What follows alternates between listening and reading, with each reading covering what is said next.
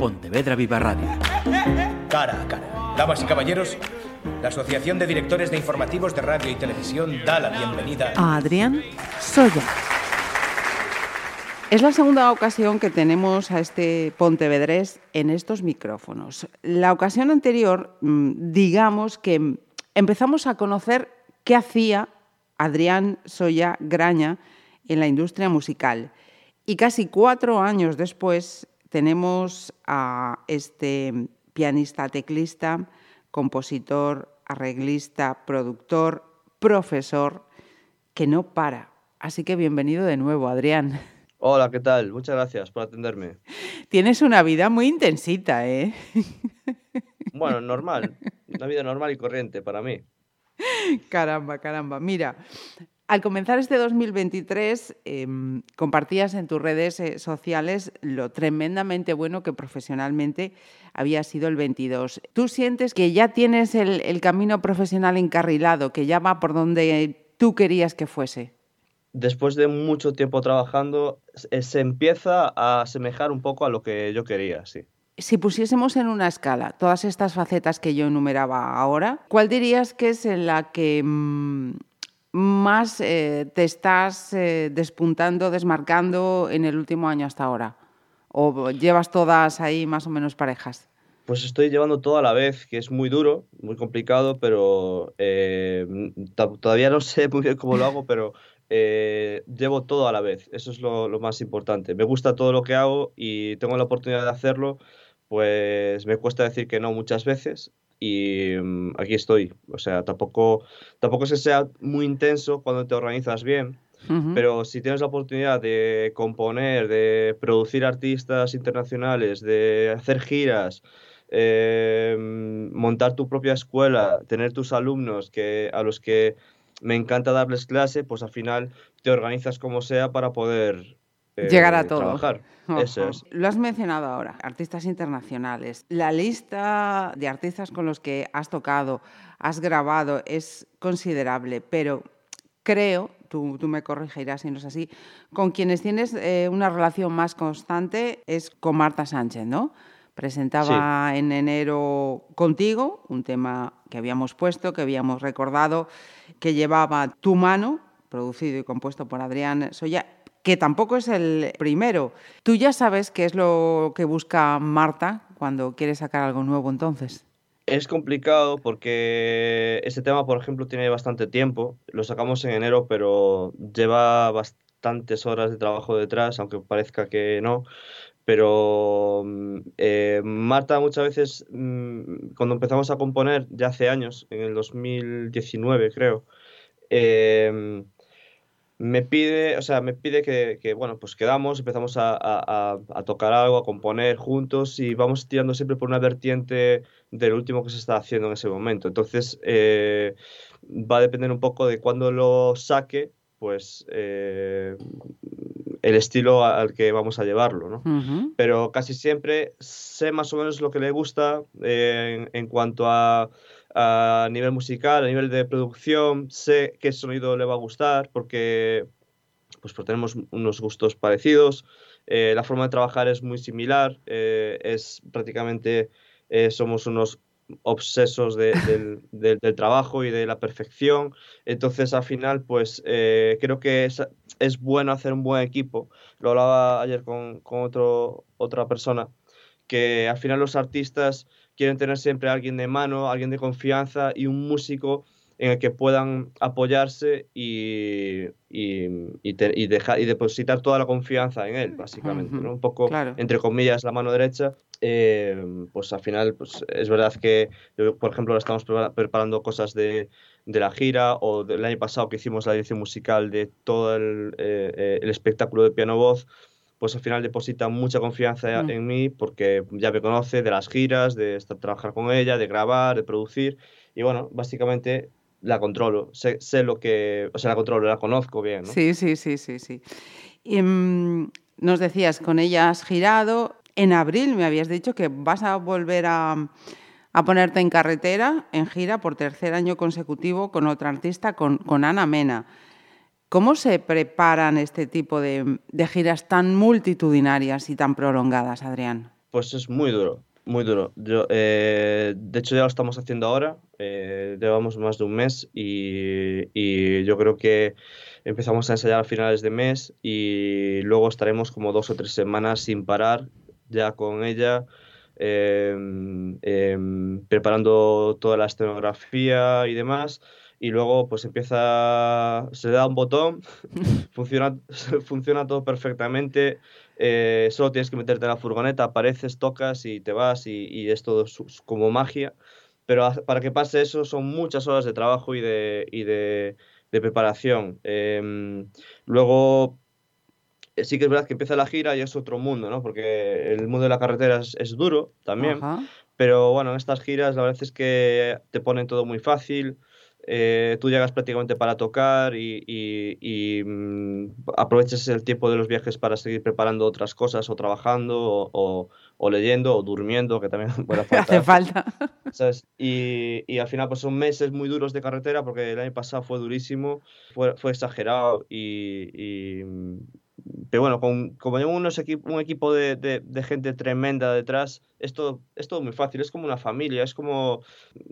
Es muy fácil realmente trabajar, ¿no? O sea, te lo ponen muy, muy fácil.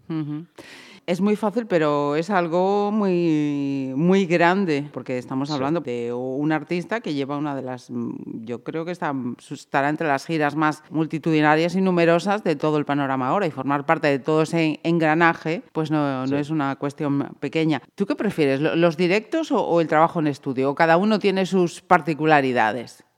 Las dos cosas, a mí me encanta. Yo soy eh, músico de directo 100%, me preparé para ello toda la vida, me estoy preparando para tocar.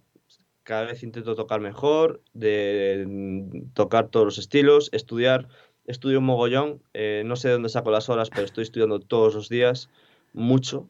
Eh, cuanto más te metes en fregados, pues más tienes que estudiar, pues de repente si te tienes que dedicar a hacer una dirección musical, pues tienes que aprender a escribir bien las partituras, eh, pues para, o, si estás componiendo una banda sonora tienes que aprender a, escribir para orquesta sinfónica, eh, controlar los programas de, maquetación.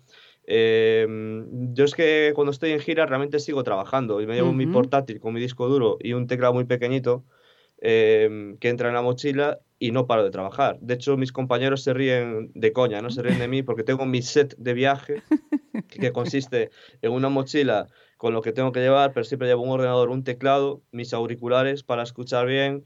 Em, siempre pedimos furgonetas que lleven electricidad para poder seguir trabajando y me monto un set tremendo con todo con, con unos cojines, bueno, en fin, que, que la gente se, se, ríe de mí un poco, de, no, no, en plan mal, ¿no?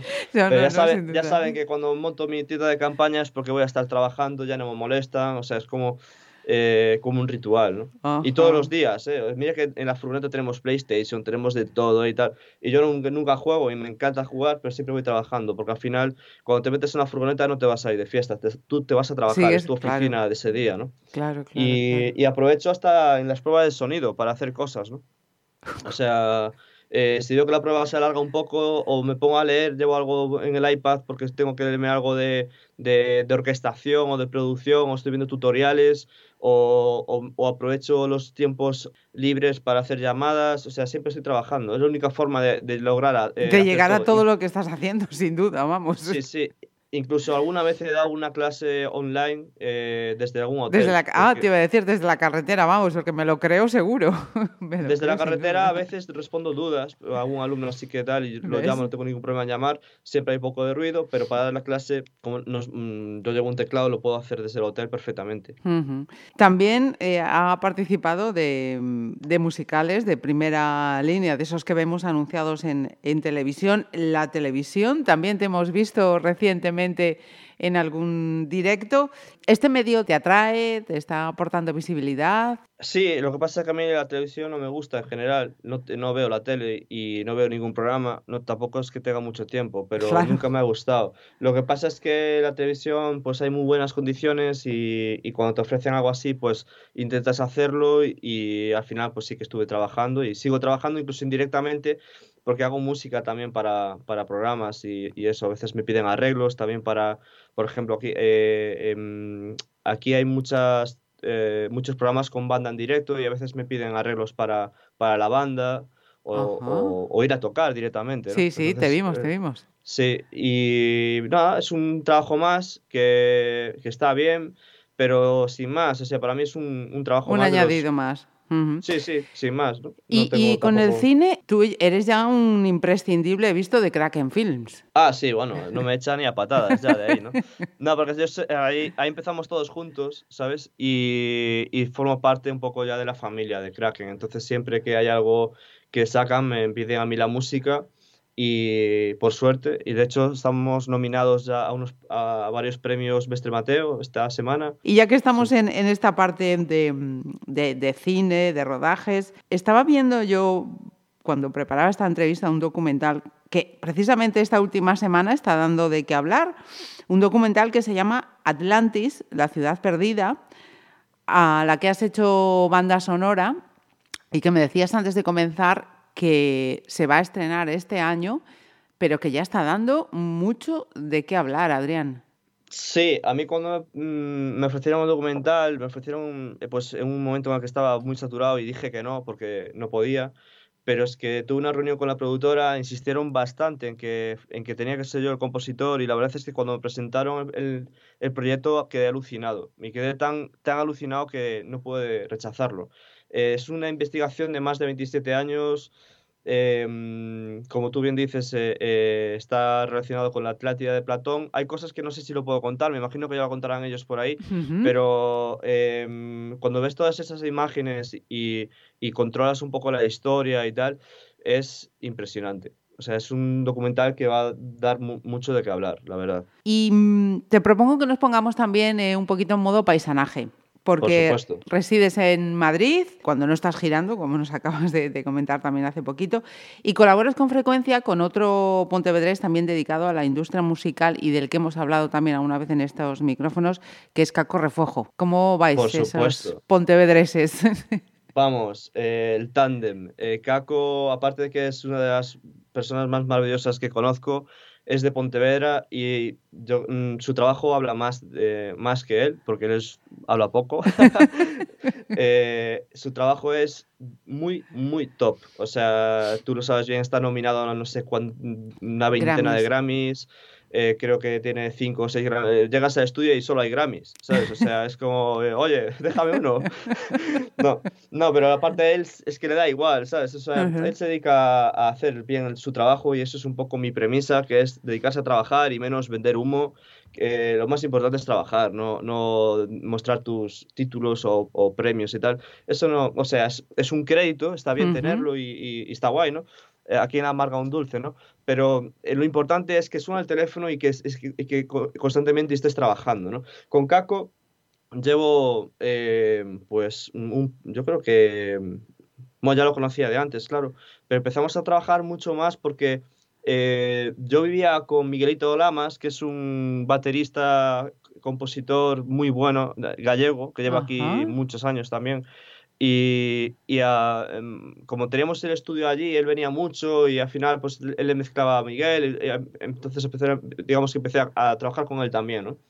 Eh, y de hecho, él fue el que, bueno, es el que mezcla todo lo que hago, o sea, realmente para artistas y todo esto que hago con Marta Sánchez, lo último que, la, la última producción que hice para Tamara, eh, junto con, con, Jorge Vera, también el maestro Jorge, eh, hicimos varias producciones y, y Kako es un poco el que mezcla y masteriza todo, el que pone todo a funcionar. Él es el, el cirujano. O sea, lo tenemos de mano, vive aquí, al, o sea, el estudio lo tenemos aquí al lado y, y, me tiene que sufrir bastante. sí, sí, nada. Ojalá, ojalá tengamos ocasión de teneros a los dos aquí un día en el estudio porque puede salir algo, algo chulo. Mira, y para... Mm, terminar de abarcar todas estas facetas y no, robarte mucho más, eh, más tiempo precioso del que necesitas, porque es que lo tienes que necesitar. Eh, mm, por si no llega con todo esto que estamos diciendo, también eh, has conseguido, creo, por lo que he leído, uno de tus objetivos que era tener tu escuela online, ¿no? También lo has mencionado antes, cuando ibas tal, que dabas clases en los hoteles. ¿Cómo ha sido esa consecución para ti, Adrián? Pues em, esto, la verdad es que eh, es curioso, ¿no? Yo pasé toda la vida estudiando, formándome. Eh, la verdad es que tengo una formación amplia y la, sigo teniendo porque me encanta aprender. Y cuando saqué, eh, saqué la titulación superior de, de, de música, eh, que realmente no era uno de mis objetivos, pero al final, pues eh, estamos en España, país de la tituritis, casi por coacción tienes que sacarte un papel que diga que eres músico, aunque no toques, pero es, es, lo que hay. Eh, entonces, al final, pues lo he conseguido y la verdad es que las, todas las ofertas que recibía en Madrid, ya de escuelas municipales, de algún pequeño conservatorio y tal, no me parecían adecuadas, no me parecían que se mm, correspondiese un poco con lo que, con lo que debería recibir, sobre todo en cuanto a, al trato, ¿no? De, horarios, ahora vienes un lunes a las 3, luego el martes a no sé qué hora y tal, dije, esto voy a pasarme la vida en el metro, ¿sabes? No, no me apetece. Entonces dije, mira, eh, paso, voy a montar mi propio chiringuito y, y tengo todo organizado en PDFs, toda la información que he recibido durante muchos años y, digo, pero si esto lo puedo hacer perfectamente en, mi casa. A raíz de la pandemia vi que era factible. Me monté, bueno, tú mm, lo estás viendo un poco, ¿no? en, pantalla. Sí. Con varias cámaras, eh, varios programas y, tengo eh, un sistema realmente como un streamer, eh, como un youtuber, realmente. Pero personalizado. Entonces tú cuando vienes a clase conmigo parece que estás aquí en una nave espacial con todos los cacharros y tal. Sí. Y, doy clases un poco de todo, ¿no? De, desde piano, piano para eh, de acompañamiento para cantantes, de composición. Le doy clases a muchos artistas de que quieren componer sus propias canciones. Les enseño un poco a, maquetar sus canciones en, en, un programa de edición de, de, de audio. Eh, de improvisación. Tengo mm, alumnos de todo tipo de, de, vamos a poner entre comillas, niveles, porque para mí el nivel no existe. Sí, perfiles muy diferentes. Perfiles diferentes y de todas partes del mundo. Tengo alumnos en París. ¡Caramba! tengo alumnos en, Miami que le doy muy tarde, como a las 11 de la noche. Eh, y luego, bueno, es que tengo de todo, de Portugal, eh, es, que es exagerado. O sea, realmente cuando lo monté era un poco así, pues un poco humilde, ¿no? En plan, voy a dar una tarde y al final pues tengo casi todo completo. ¿No te imaginabas que iba a llegar hasta...?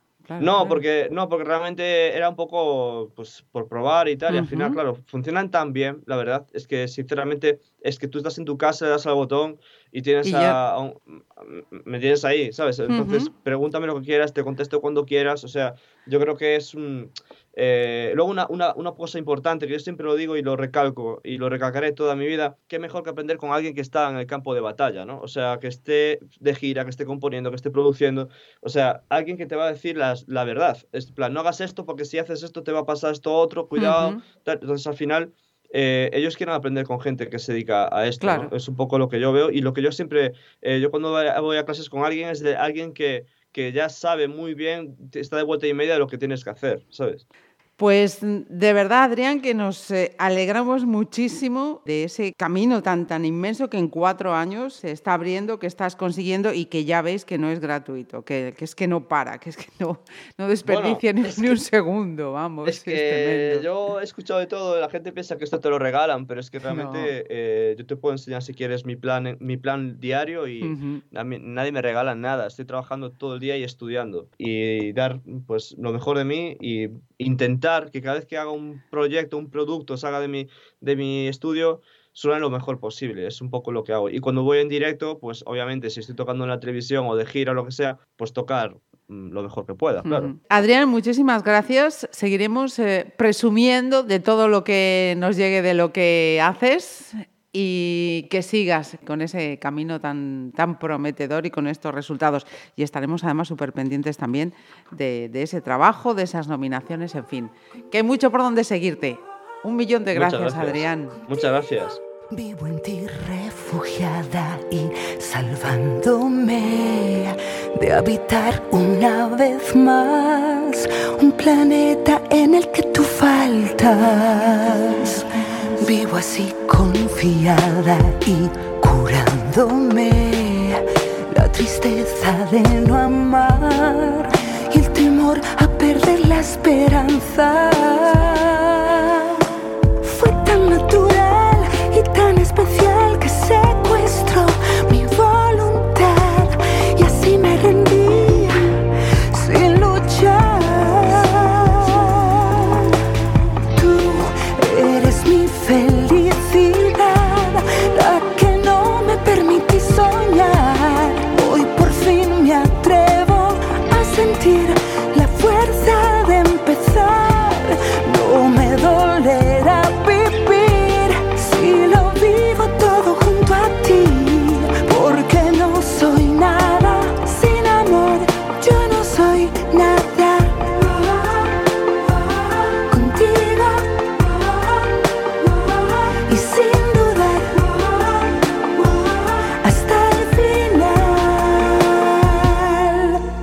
Seré igual que ayer.